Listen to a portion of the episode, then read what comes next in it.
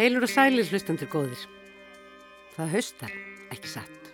Með bókum og blíjöndum eða er það nú til dags bara spjaltölfur. Veit ekki ei, en hitt veit ég að eftirvænting er alveg tekin að olga undir bringspölunum hvaða nýjar bækur haustið muni færa okkur. Reyndar hefur ströymur nýra bóka verið nokkuð stöðugur í sumar. Til að mynda hafa komið út allmargar þýðingar á eldri verkum sem fengur hefur verið af eins og beðið eftir barburunum, eftir Nobelsvæluna hafan J.B. Kutsi, sumarbókin eftir Tófi Jansson, að óglemdri skáldsögunni Dyrnar eftir ungverska öndvegi skáldið Mögdu Tsabo. Stærsti fengur hausins er þó líklega K.O sem stendur fyrir Kristín Ómarsdóttir, Ljóðasapn, sem hefur að geima fyrstu átta ljóðabækur Kristínar millir blóðröðra spjalda en margar þessara bóka hafa lengi verið ófáanlegar. Í rafrænu útgáfuhófi 20. ágúst árið 2020 las Kristín meðal annars þetta ljóð. Ullar hjarta. Þó ég tali mikið, þrá ég þögn um líf mitt. Í forgrunni lífsmíns situr þú. Þér færi ég orðin sem líf mitt rekur frá sér og allt sem ég á og allt sem ég á eftir að fá. Í svefni lifi ég fyrir sjálfa mig en í vöku lifi ég fyrir aðra. Réttur að sagt, í svefni telur hjarta mitt niður, í vöku er hjarta mitt úr ull og þar inni er lófið þinn.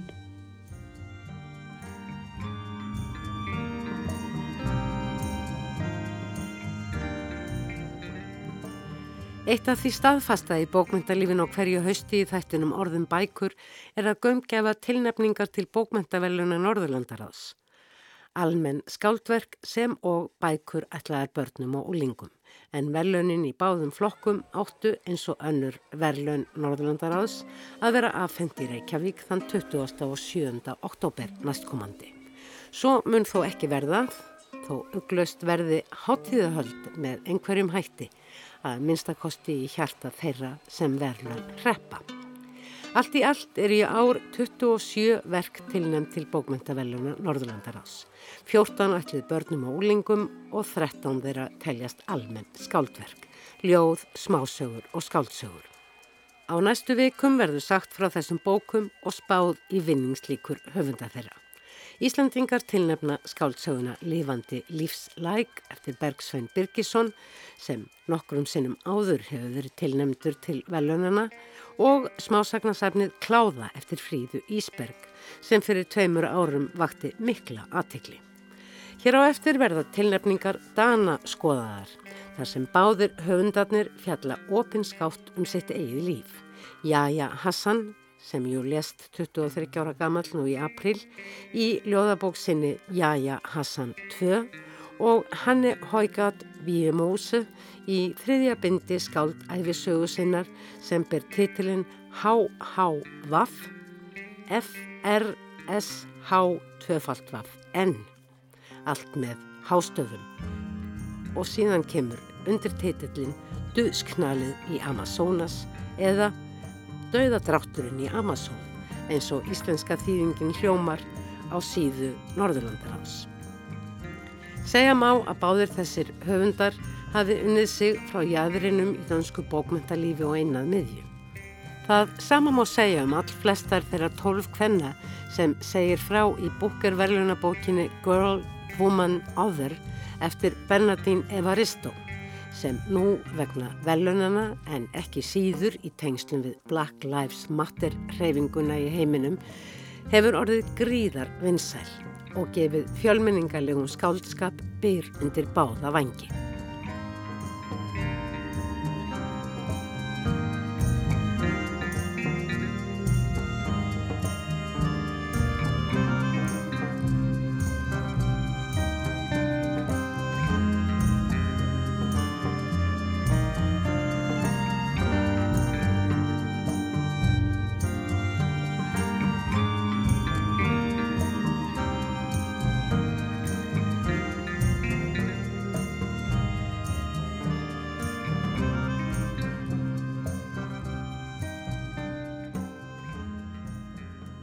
Bernadín Evaristo heitir breskur rittöfundur að blönduðum nýgerískum og breskum uppruna sem þegar með fyrstu skáltsögu sinni Laura frá ornu 1997 tók að vekja aðtekli bókmyndafólks fyrir nýstarlegan frásagnarmáta og umfjöllunarefni.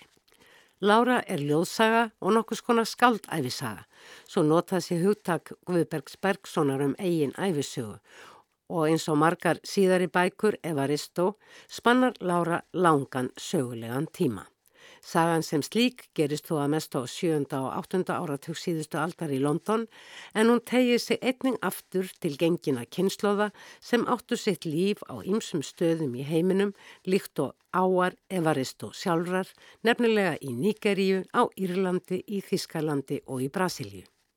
Í næstu bóksinni The Emperor's Babe sem kom út árið 2001 og mun einning hafa verið ljóðsaga tegir Benadín Evaristo sig enn lengra ofan í djúpsögunar eða allt aftur til Rómaveldis. Í því verki segir frá hörundstökkri unglingsstúlku í London fyrir tæpum 2000 árum þegar þessi þjættbíliskjarni Londonium á Breitlandsegjum var hluti af Rómaveldi.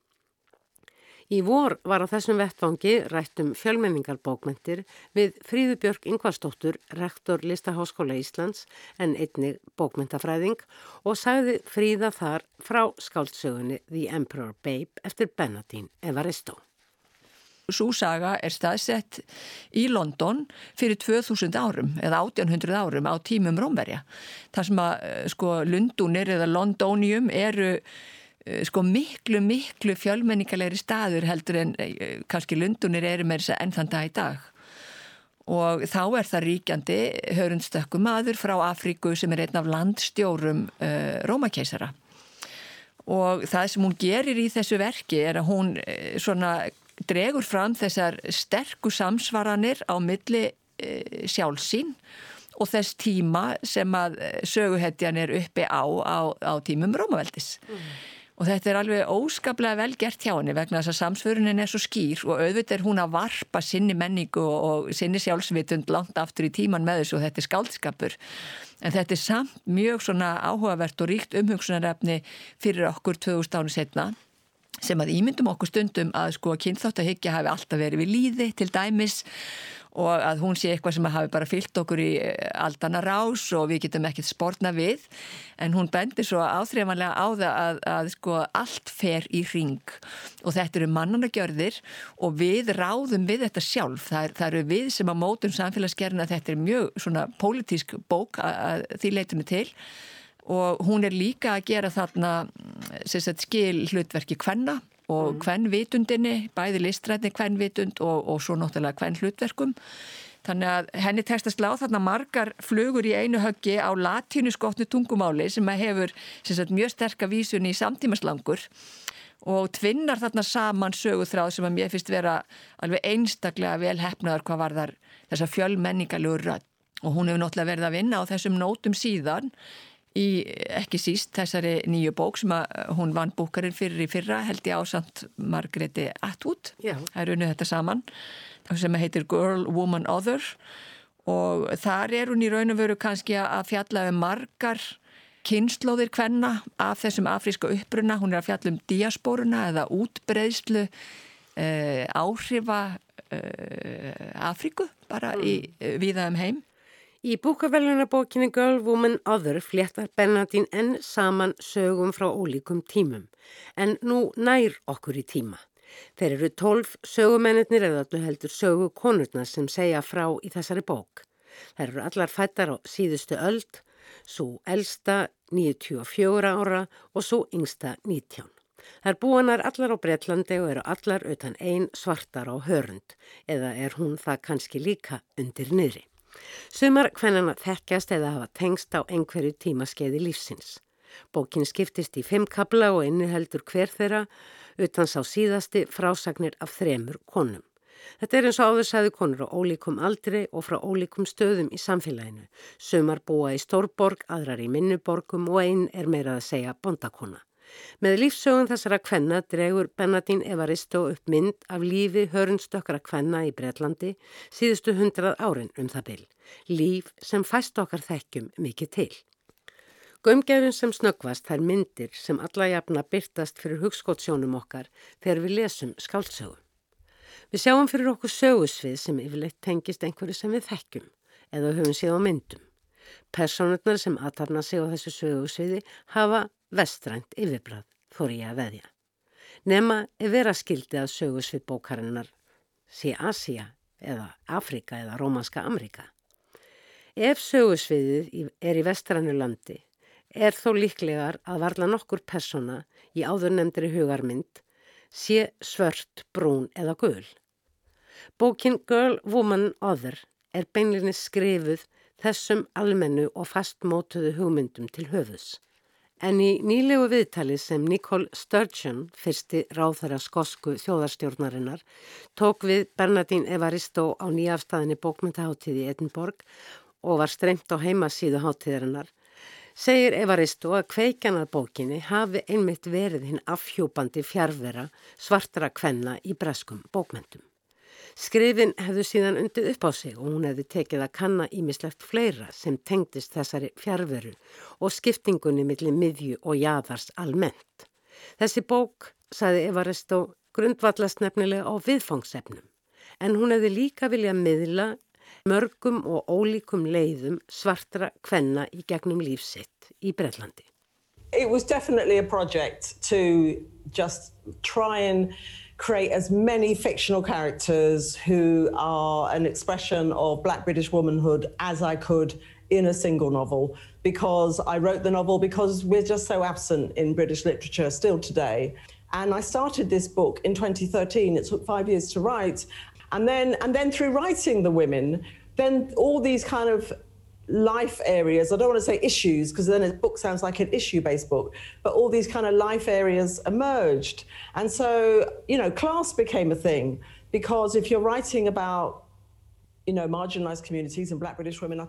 Bernardín Evaristo er dóttir verkamann sem var virkur í verkalýsreifingunni. Stjætt skiptir og í samhengi mismununar svartrakakvart kvítum miklu máli, sað hún í viðtalinu. Einnig menningalega rætur, sumar hvennan eru frá Afríku eða rekja ættir sínur þanga, aðrar rekja þær til Karabíhafsins. Sumar eru fættar í Breitlandi og svo eru amerískar konur. Kinn, kinnneið og kinngerfis skipta mig líka máli, segir hún, upp á fjölbreytileikan og flæðið sem okkar tíma. And then sexuality came into it because I thought I don't want this to be a book about 12 straight women. So then a quarter of the women are on the queer spectrum. I have one character who is non-binary. Um, who begins as a woman and transitions to non-binary because that also felt that it would be sort of probably true to life and, and all kinds of other issues and sort of varieties that I kind of threw into the book. Bernardín Evaristo doktoreraði í skapandi skrifum frá háskólanum í London árið 2013. Áður hafði hún lært leiklist bæði í Rose Bruford College of Speech and Drama og í Goldsmiths College.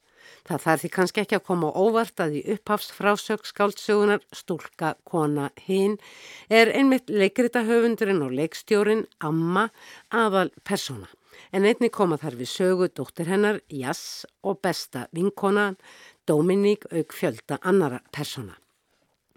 Amma býr í Brygstonu er liklega í kringum 60 ára á gömul. Hún er á leið á frumsýningu eigin verks í þjóðleikúsinu.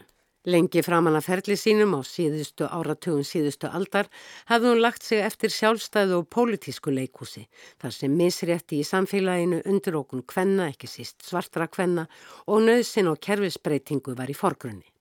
Fadir ömmu hafði flúið frá Ghana nokkrum árum áður en hún fættist og kvænst breskri konu og á úlingsárunum þótti ömmu móður sín allt og þjónustu lunduð við karlrempuna sem henni þótti afrískur fadir sinn vera. Amma flytur enda ung að heiman og á þessum tíma er allt að gerast í Brixton hverfinu í London en það er þekkt fyrir litrika markaðu og fjölmenningu og var á 8. og 9. áratöknum einnig þekkt fyrir að vera vettvangur margskonar pólitískra mótmæla. Þarna ægir saman alls konar hópum og ólík samlífsform eru leikin og æfð festa sig jafnvel í sessi og Amma tekur lífandi þátt í þessum hræringum með sínum hætti. Hún vil til að mynda alls ekki bindast neinum einum eða öllu heldur neitni einni því Amma er lesbísk Í stöttri frásögt tæplega 40 blaðsýður er með því að stikla í gegnum líf, ömmu, því líst hvernig Brixton hverfið breytist. Í raun tekst Benadín Evaristo í frásögninni af hverju konu fyrir sig að draga um leið upp mynd af því hvernig vestrænt samfélag breytist á síðustu áratugum síðustu aldar. Í raun kollsteftist það og það ekki bara í Brixton. Allt var meira flæðandi, samfélagið jæmt sem einstaklingarnir. Eða að það var einfallega að fara að draga markalínur í samfélaginu með öðrum hætti. Bókin gefur ekki svar við þessu, heldur reyfar þá upplaust við tekina gilda sem orðið hefur með auknu kvennfrelsi og kinnfrelsi svo eitthvað sé nefnt. Lesandunum er hins vegar látið eftir að greina einstaka þræði. Amma á hálfuppkomna dóttur Jass sem stundir háskólanám.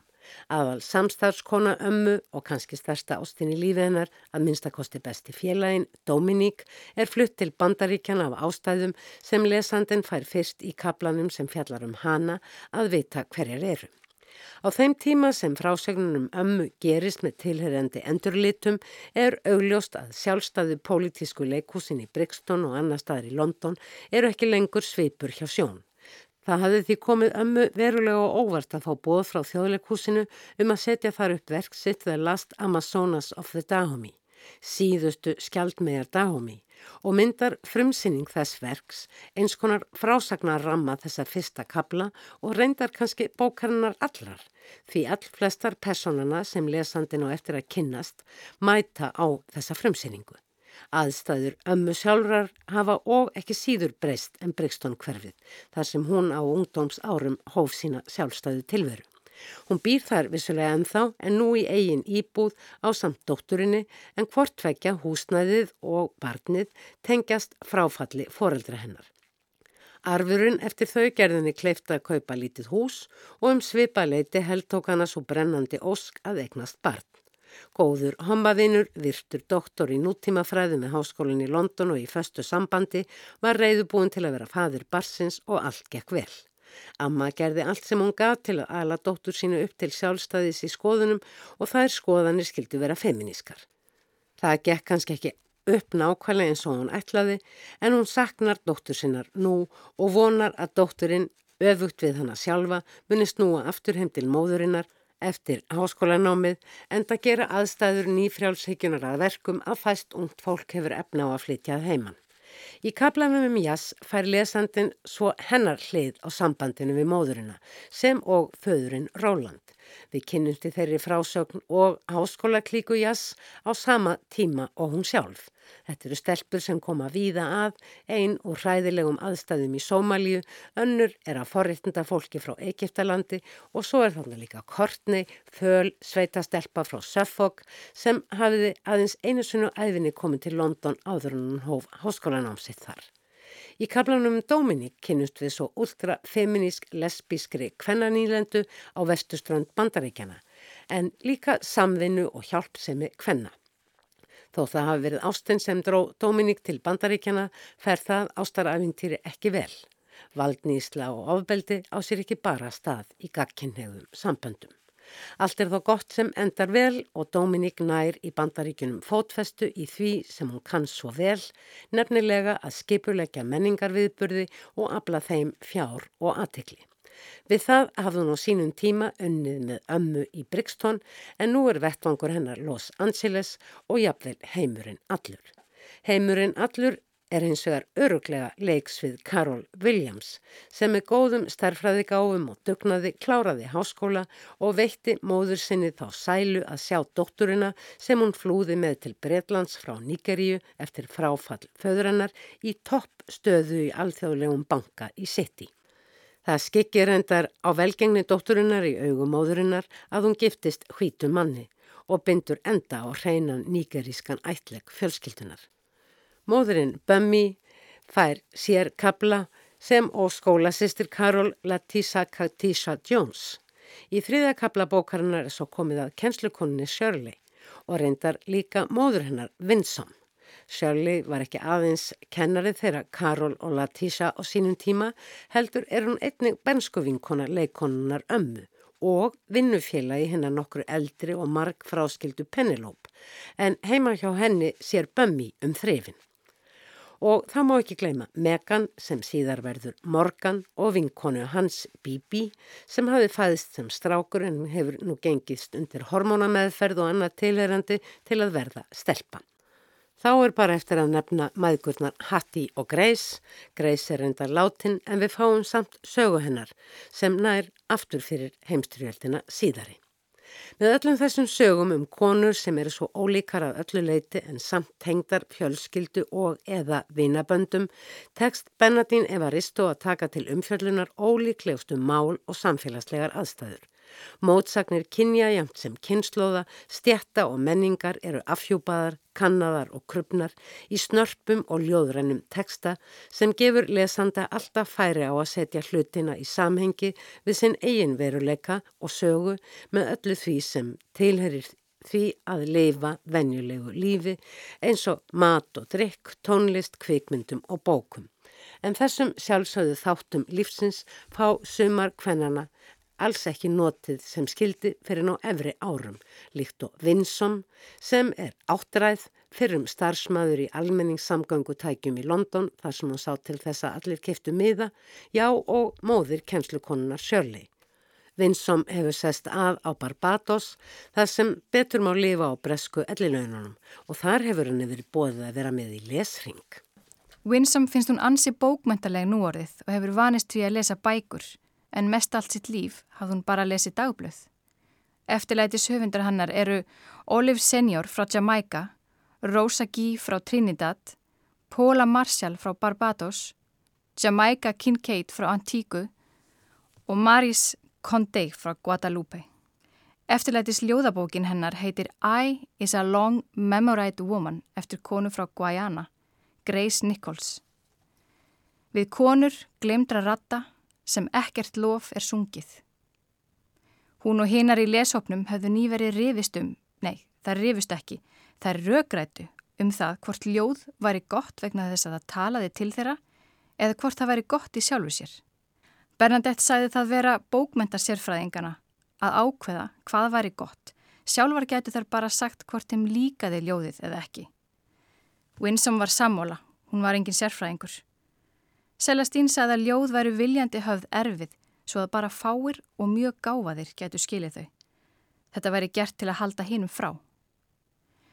Heysel sagði að skáldsögur væru meira virð en ljóðabækur vegna þess að í þeim væru fleiri orð. Verða á ljóðabókum er reynasta okkur. Winsome er þeirra skoðunar að Heysel eigi ekki heima í lesóknum þeirra. Dora sagði hlutlegan sannleika ekki til og ef þér finnst eitthvað gott af því að það talar til þín, þá er það svo. Af hverju skildu Wordsworth eða Whitman, T.S. Eliot eða Ted Hughes hafa einhverja sérstakka þýðingu fyrir fólkið á eiginu í Karabíahafinu? Vinn sem ákvað með sjálfur sér að fara á bókasafnið og fletta upp þessum nöfnum.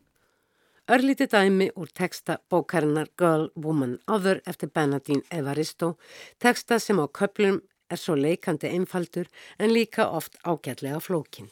Enda mótsagnirnar í umfjöllunarefninu margvíslegar og greinilegt að höfundur er vel að sér í feminískum fræðum og nýjum hugtökum í misréttisfræðum ef svo má orði komast eins og samþættingu mismunabreita sem vísar til fjölbreytileika þeirra staðrinda sem liggja til grundvallar mismunun og má í því samhengi nefna til að mynda búsettu, kyn, kynneigð, skoðanir alls konar menningu, stjætt, trúabröð og svo framvegs. Leiðarstefið í þessari bók er þó að mér virðist samband móður og dóttur. Feður koma líka við sögu en hér eru konurnar í forgrunni og allar velja þessar svörtu mæður að dætrunum vegni vel í lífinum. Ráðleikingar svartra foreldrana í umhverfi kvítra eru reyndar oft kunnulegar. Mikilvægi mentunar er eitt Ef þér finnst fólkið í nýju vinnunum lítaði hortnöga, startuði þá betur. Ef starfið er synd af nattni og vandvirkni verður það ánægulegt. Ekki berja á móti heldur hlaupa. Og svo framvegs, og svo framvegs. Engverir ná ekki að aðlagast, heldast úr lestinni, finna sig ekki. En konurna tól sem hér er frásagt vegnar á endanum öllum þokkalega. Svona eins og gengur og gerist. Flestar náð þar markmiðum sínum, hvort heldur það er að komast í topp stöðu í hinnum alþjóðlega peningaheimi, hjálpa svörtum börnum að komast áfram í lífinu með því að kenna þeim vel eða stunda list sína. Öllum konunum er mestum verðt að koma börnum sínum, að minnstakosti dótturinni, þannig til manns, að svo taki sjálf ákverðun um eigið líf og að maðurnar geti stoltar við unnað. Hvort dæturnar baði sig allar í byllandi hamingu er svo annað mál. En þannig er það jú bara hvort heldur fólk er svart eða hvít, hinsegin eða kynsegin. Þetta er bók um litlu og stóru atriðin sem skipta sköpum, um ákvarðanirnar og að fylgja eftir markmiðum. Finna leið til að mynda undir lók tíunda áratugarins til að verða móðir sem lesbísk kona eða að drífa sig á námskið og í alls konar kvöldskóla til að komast í betri stöðu á vörulagur eða hasla sér völl í alþjóðlegum fjármálaheimi eða meiga í fyrsta sinn faðma móður sína verandi orðin áttræð. Allar tólf konurnar í þessari bók eru sannar skjaldmegar í flokki svartra kvenna sem mæta okkur allstaðar í heiminum. Svo litið annars eðlisvissulega en skjaldmegarnar frá Dahomey sem leikrit ömmu fjallarum en svo hersveit mun hafa verið til í héræðinni Dahomey, nú hluti af Nýgerju, fyrir hundrað árum. Frumsýningapartíið í lokin er frábæri leið til að binda enda á bókina Girl, Woman, Others sem enkennist einmitt af því að þar eru engin endalók.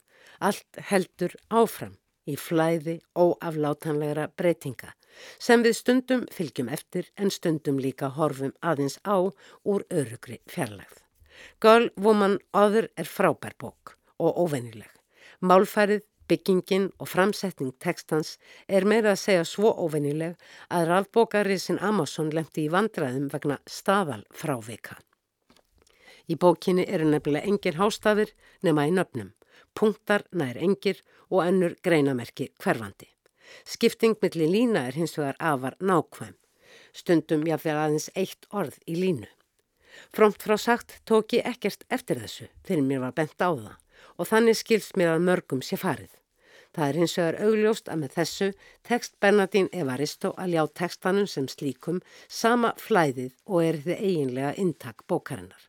Sjálf sagði hún á bókmyndaháttinni Edinborg að aðeins með þessum hætti hefði hún getað skrifa þessa bók. Hún sagði líka að hún trúið því að skáldskapur geti breytt hugsunarhætti, vikað sjóndaldarhingin meðvitað eða ómeðvitað.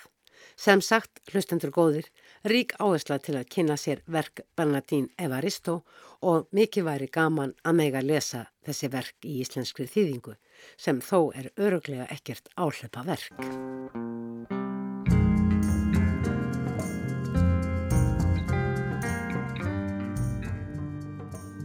Danir tilnefna til hérna gamalgrónu bókmyndaveluna Norðurlandaráðs af þessu sinni nýjar bækur eftir höfunda sem báðir hafa vakið aðtikli fyrir nýstarlega framsetningu skaldskapar síns og ágeng umfjöllunarefni. Þar sem persóna þeirra sjálfra, það er skáldana, er útgangspunktur og þungamiðja. Önnur bókin er skáldsaga en hinn ljóðabók. Ljóðabókin heitir Jaja Hassan 2 en eins og margir muna þá var Jaja Hassan palestinskur flóttamaður í Danmörku sem árið 2013 sendi frá sér sína fyrstu ljóðabók og bar svo líkt og þessi nafn hans sjálfs. Og eins og kunnugt er þá fannst Jaja Hassan látin á heimili sínu í árósum 29. april síðastliðin. Það er ekki ofsögum sagt að fyrsta ljóðabók Hassans hafi vakið aðtegli. Fyrsta upplæðið seldist upp á sólarring og forlæðið hafi varlega undan að prenta bækur til viðbótar. Þarna var á ferðinni alveg ný rött í samtíma ljóðlistinni, hrá og hávær.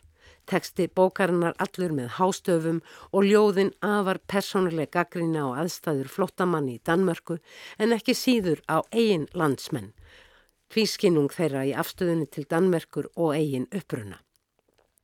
Bókin tók síðan fljótlega að koma út í þýðingum um allan heim, þar á meðal í íslenskri þýðingu Bjarka Karlssonar ári eftir að hún kom út í Danmörku. Jæja kom meira að segja hinga til lands í tilefnu útgáfunar og heimsótti ímsa framhaldsskóla og kom fram á tónlistarháttíðinni Airwaves. Heima í Danmörku mátti hann hins vegar búa við líflátshótanir aukasinnaðra muslima þurfti meira að segja á lífverði að halda. Þegar fráleið hinnum makalösu móttökum fyrstu bókarinnar, hún mun hafa selst í meirinn 100.000 eintökum, tók Jæja Hassan eins og er að vekja aðtikli fyrir ofbeldi á almannafæri og kallaði, að ég held að óhætt sé að segja, yfir sig nokkra reyði með því að bjóða sig fram til danska þingsins í nafni danska þjóðarflokksins eða Nationalpartíið, öfga hægriflokks sem þykir hallur undir rasisma. Hassan náði reyndar ekki kjöri og var síðar rekin úr flokknum eftir að hafa verið handtekinn vegna axtus undir áhrifum fiknefna. Það var sannarlega ekki eina skipti sem Jaja Hassan komst í kast við laugin í sínu stuttalífi en höstið 2018 var hann ákerður fyrir eina 140 glæpi af margvíslegu tægi og satt í gæsluvarðaldi á geðdelt um nokkra hríð. Hann var að lokum dæmdur í fangelsi fyrir að skjóta þremur skotum að ungri stúlku, særa hanna og reyndar fleiri sem voru þar á ferli. Um þessa reynslu sína yrkir Jaja Hassan meðal annars í nýju bókinni Jaja Hassan 2 sem kom út hálfu ári fyrir dauða hans Hann lifið þó að vera tilnemtur til bókmyndavellunar Norðurlandaráðs. Líkt og fyrir bókin er Jaja Hassan tvö koll svört á eitrabyrðið og titillin prentaður stórum hvítum stöfum. Á kollsvartri bakliðinni stendur fyrir miðju smáum hvítum stöfum Jaja Hassan fættur 1995 en ríkisfangslaus með danst vegabrif. Ljóðabókin Jaja Hassan Tvö skiptist í fjóra hluta og bera fyrsti og síðasti kaplinn yfirskrift samsetts orðs þar sem danska orðið perker myndar síðara hlutan. En perker mun vera niðurlegandi orðfæri um fólk búsett í Danmörku sem á rætur að reyka til mið Östurlanda og er engum notað um Araba. Þannig beð fyrsti hluti bókarina títilinn Premierperker eða Velunaperker og sá síðasti Psykoperker eða Psykoperker. Miðkarbladnir tveir heita svo jaktsesong eða veiðitími og fengslir og fangar, fangelsi og fangar. Þetta er nokkuð laung ljóðabók, næstum 120 síður og oftar en ekki nokkuð þjætt skrifið. Eins og titlar kaplana gefa til kynna þá hefst bókin nokkuð á toppnum í tilveru veluna Arabans Jaja Hassans sem eins og áður kom fram var marg verlunaður fyrir fyrstu ljóðabók sína sem jú seldist óheyrilega vel og var þýtt á Norðurlöndunum öllum sem og á Ítalju, Spáni og Þískalandi jafnvel í Brasilíu. En velgengnin reyndist Jaja Hassan ef markam á nýju bókina nokkuð tvíbent sæla. Fyrsta ljóð bókarinnar heitir Forlagsmöðu eða útgáfu fundur.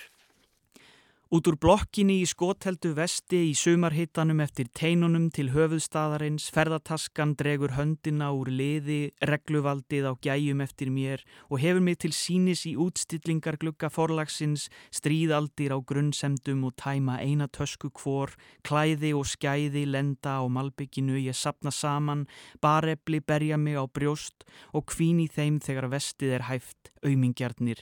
Ég segi þeim að ég sé bara skáld á leiðin á forlagi mitt. Er þú skáld, spyr óbreyttur lörglu þjóttn og tekkar kennitölnum mína upp á kærur. Þú ert krimmi, segir óbreytti þjóttnin, ég ringi í rittstjóran minn, svo að hann geti staðfest skáldskapar hæfi mitt og bjargað mér með áreiðanlegu útliti sínu. Pasternak rittstjóri nálgast lörglu slotið og er hótað handtöku, hann kjagar aftur inn í forlagsheimin eins og grátrana.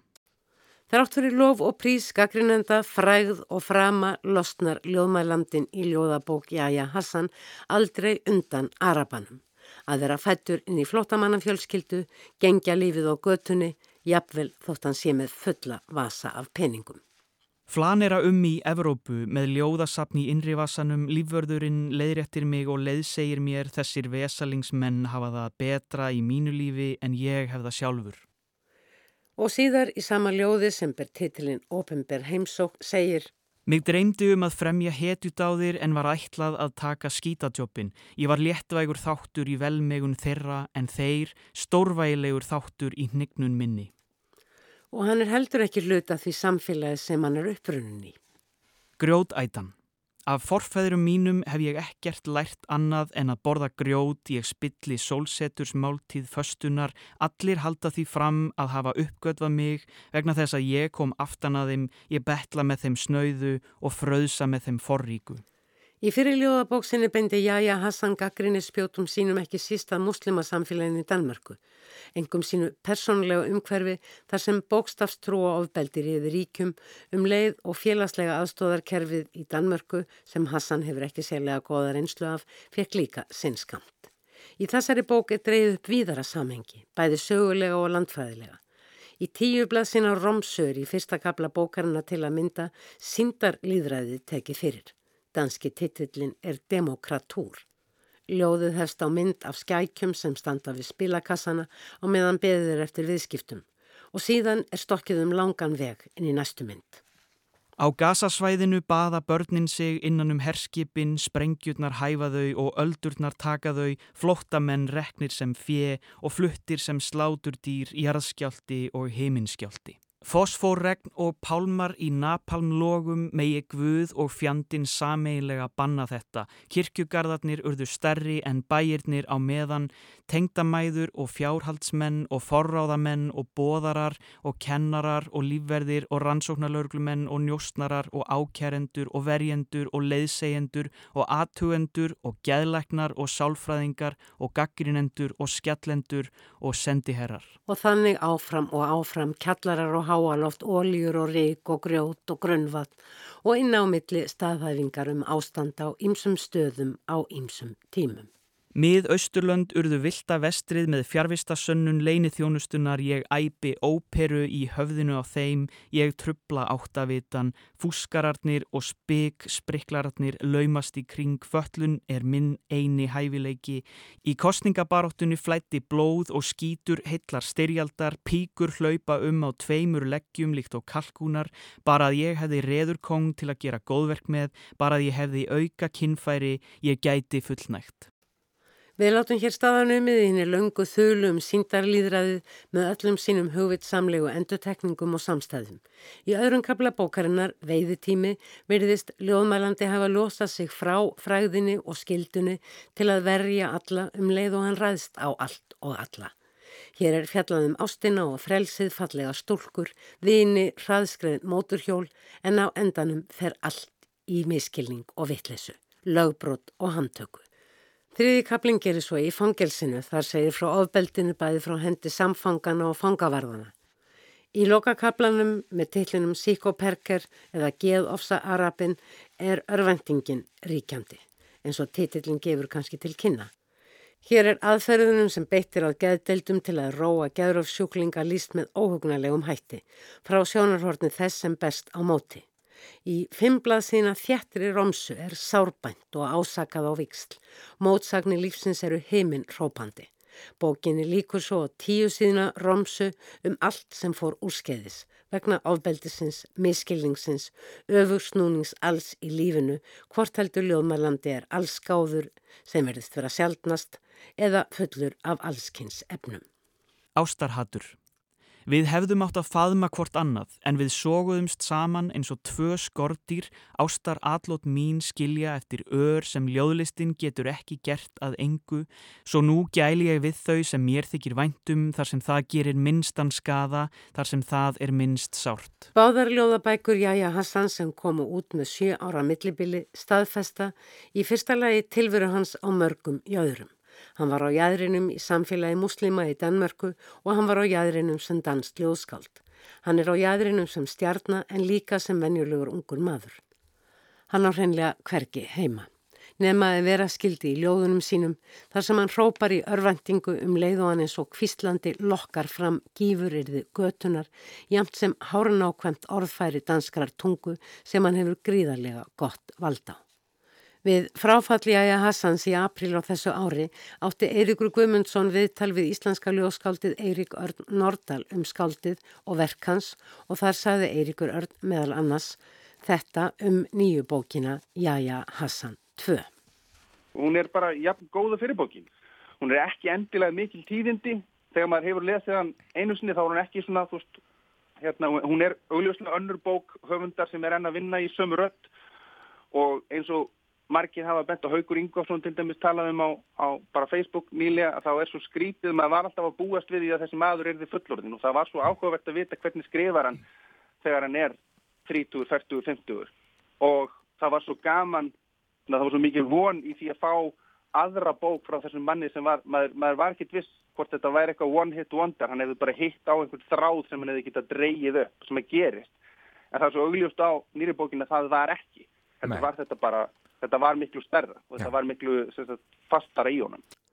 Ég er samála Eiriki Erni um sterka tengingu þessarar bókar við þá fyrri, en þessi síðari er að mínumati viðfæðmari kafar dýpra ofan í samhengi heimsvaldastefnunar og áhrifa hennar á líf fólks við svörum heiminn.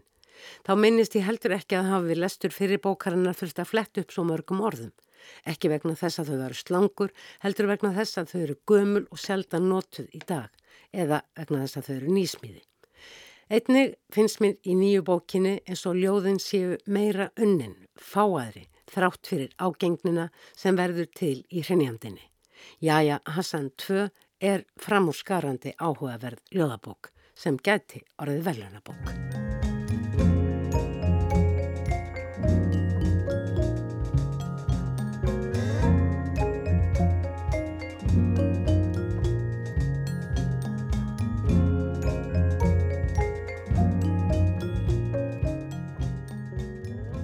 Skálsagan sem Danir að þessu sinni tilnefna til bókmæntavelunum Norðurlandarás heitir með upphafstöfum H-H-Vaff F-R-S-H tvöfaldvaff-N Döðsknalið í Amazonas.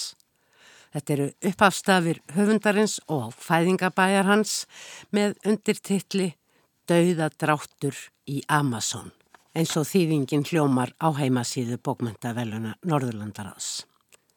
Þetta er þriðja og vantanlega síðasta bókin í þríleik rittöfundarins Hanni Haugard V. Móse um líf nútíma konu í vestrænu samfélagi byggt á lífi hennar sjálfrar sem í þessum verkum ber ímist nafnið Hanna, það er með hái í endan, Hanne með e eða Anne eða jáfnvel Anita.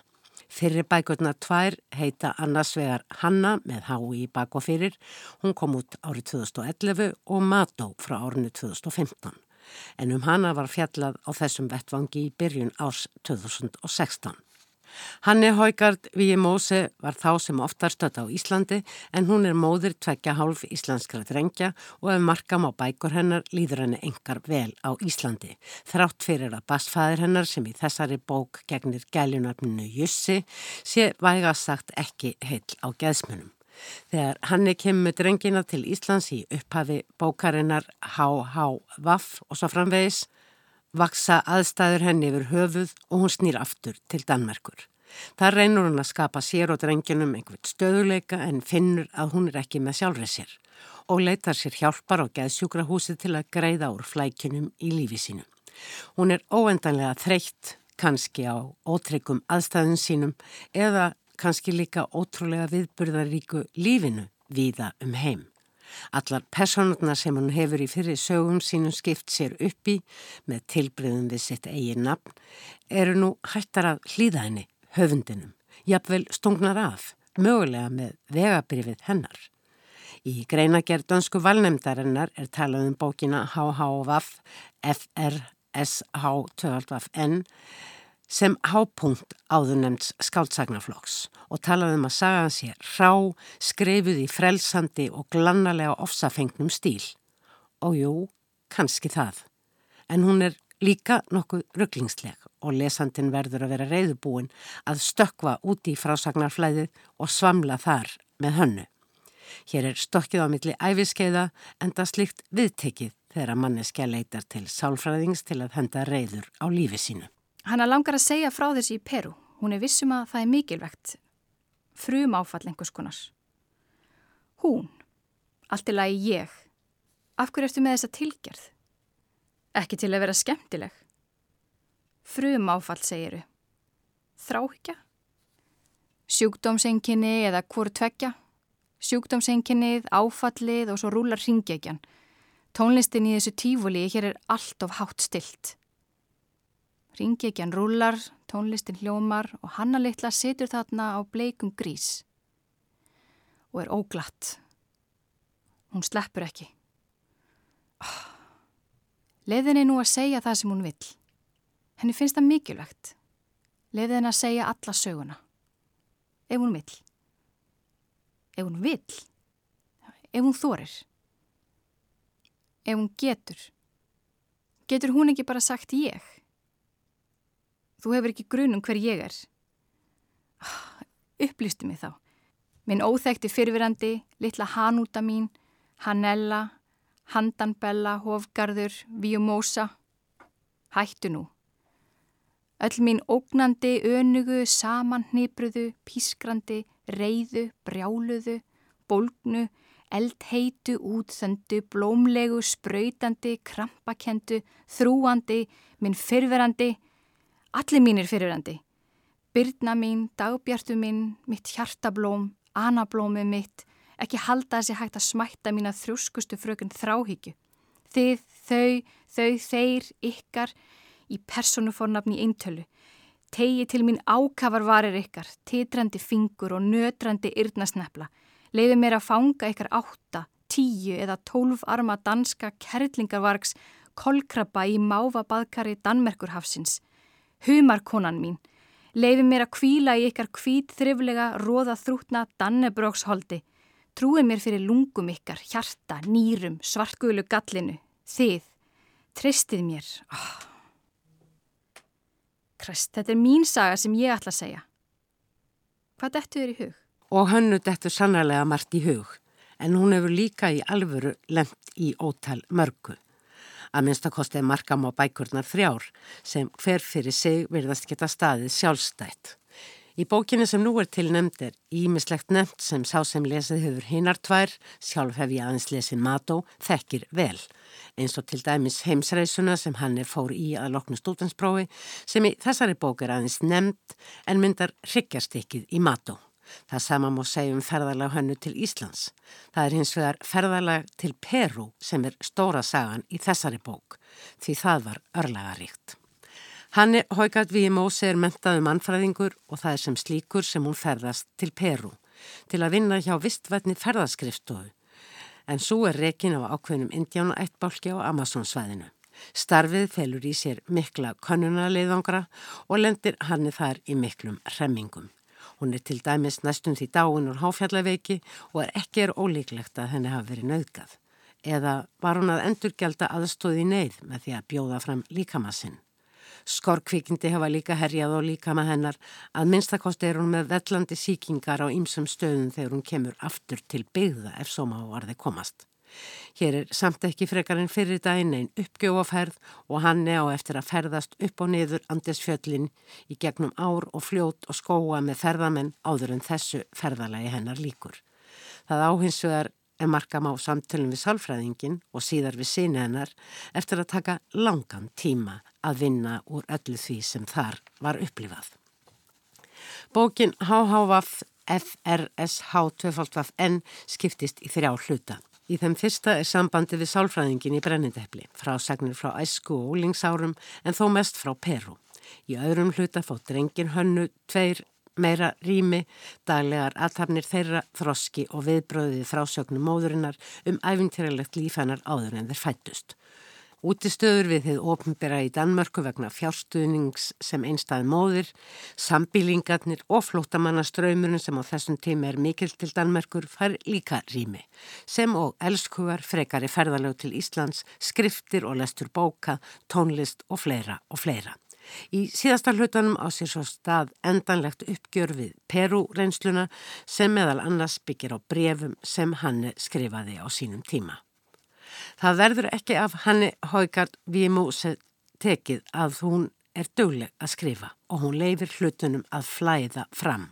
Hlutum sem hún sjálf hefur upplifað eða fólk sem hún þekkir en líka fullkomlega skálduðum aðstæðum og hafi mér þótt mat og nokkuð brjálu frásögn þegar ég las hana á sínum tíma þá er háhávaff og svo framvegis á enn meira harða stökki í framvindunni jæmt sem frásagnaraðferðinni. Í viðtali sem ég átti við hanni Haugard við í Mósári 2016 um Mató saðist hún líklega alltaf hafa ætlað að verða rittufundur og ferðalög hennar hafi vantanlega verið ómeðvitaður hluti af undirbúningi hennar undir það. Jo, jeg har nok, siden jeg var lille, forestillet mig, at jeg skulle skrive bøger, men jeg har ikke gået særlig målrettet efter det, før jeg blev lidt ældre. Indtil jeg var 30, der der rejste jeg rigtig meget og havde mange ufaglærte jobs og læste også, læste også på universitetet, øh, læste antropologi. Höfðspurningin í mannfræðinni er að kynnast hennu óþekta, heinum, heldur hann áfram. Et af hovedspørgsmålene i antropologien, det er det her med den fremmede eller den anden, og ligesom kunne forstå... Komast á bak við eigin speilmynd sem við svo gerðnan endurvörpum á þá sem við ekki þekkjum og aðstæður sem við áttum okkur ekki á. Það var í rauninni þetta sem dreif mig áfram á ferðalögunum áður og nú í skrifunum. Að dvelja á öðrum stöðum, nálgast nýja reynslu, nýjar aðstæður án þessarar endurvörpunar. Simpelthen uden hele tiden at projicere sig selv over i, i det man møder. hvad enten det er mennesker eller erkendelser eller situationer, altså kunne være til stede på en anden måde. Og hún saði líka að henni standi nákvæmlega á samum það hvað lesendur haldi að hún hafi upplifað og hvað sé skaldskapur. Nej, det gør jeg ikke. Nej, altså tværtimod, hvis, øh, hvis Og nei, hún lagfæri aldrei tekstan í þeim tilgangi að felaðum sig að ræða hennar eigin líf og fólks henni tengt. Ef sannleikurinn raunveruleikin hendar til að fjalla um eitthvað, þá nota ég hann. Så finder ég på noget der. Og så personer? Já, já, já. Hanni hefur á umliðnum árum komið reglulega hinga til lands og er jáfnvel búsett hér á landi. Er til að mynda sangkvæmt bókinni HHVAF félagi í Ríðtöfundasambandi Íslands. Þegar ég talaði við hönnu Haugard við í Mósi fyrir fjórum árum skófun enda ekki utan af hrifningu sinni á landinu. jeg elsker at være i Island, simpelthen. Det, det er jo selvfølgelig naturen, det lyder, det er en dårlig kliché, ikke? men altså, det er jo en helt, helt, helt øh, vanvittig natur, I har heroppe. Og jeg elsker at køre rundt både øh, sommer og vinter. Og Hún nýtur þess að akka um landið, helst einn, sofa í bílnum, stoppa, fara í gönguferðir eða synda í laug og síðan skrifa. Stundum notur hún síman, stundum blokk. Sove i bilen og tage ud og bade og tage ud og gå og at skrive. Altså, så har jeg hele tiden, så skriver jeg enten på min telefon eller på en blog, når jeg går. Og ef markam á hérna galsafengnu og viðkvæmnistlegu sögu um HHVAF sem ólst upp í FRS H2VAF-N er líklegt að þessi bók hafi að einhverju leiti orðið til á ferðalögum hennar innanlands á Íslandi. HHVAF og svo framvegis er vissulega sérstaði saga, engar personuleg en líka tilraunakendi í framsetningunni og gengur þar enn lengra enn í skáldæfisögunni Mató sem hér hefur verið minnst á.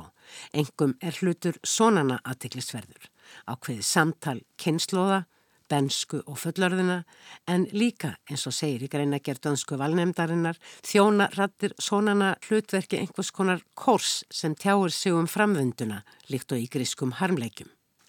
Það verður spennandi að sjá hvort að hrifningin sem kemur fram í greina gerð dönsku valnemdarinnar muni sannfæra loka domnemd bókmentavellunar Norðurlandaráðs þegar að kemur að því að ákveða vellunabók ársins 2020. Fleiri verða orðum bækur ekki að þessu sinni. Tæknimaður var Georg Magnússon. Takk fyrir að hlusta, verði sæl.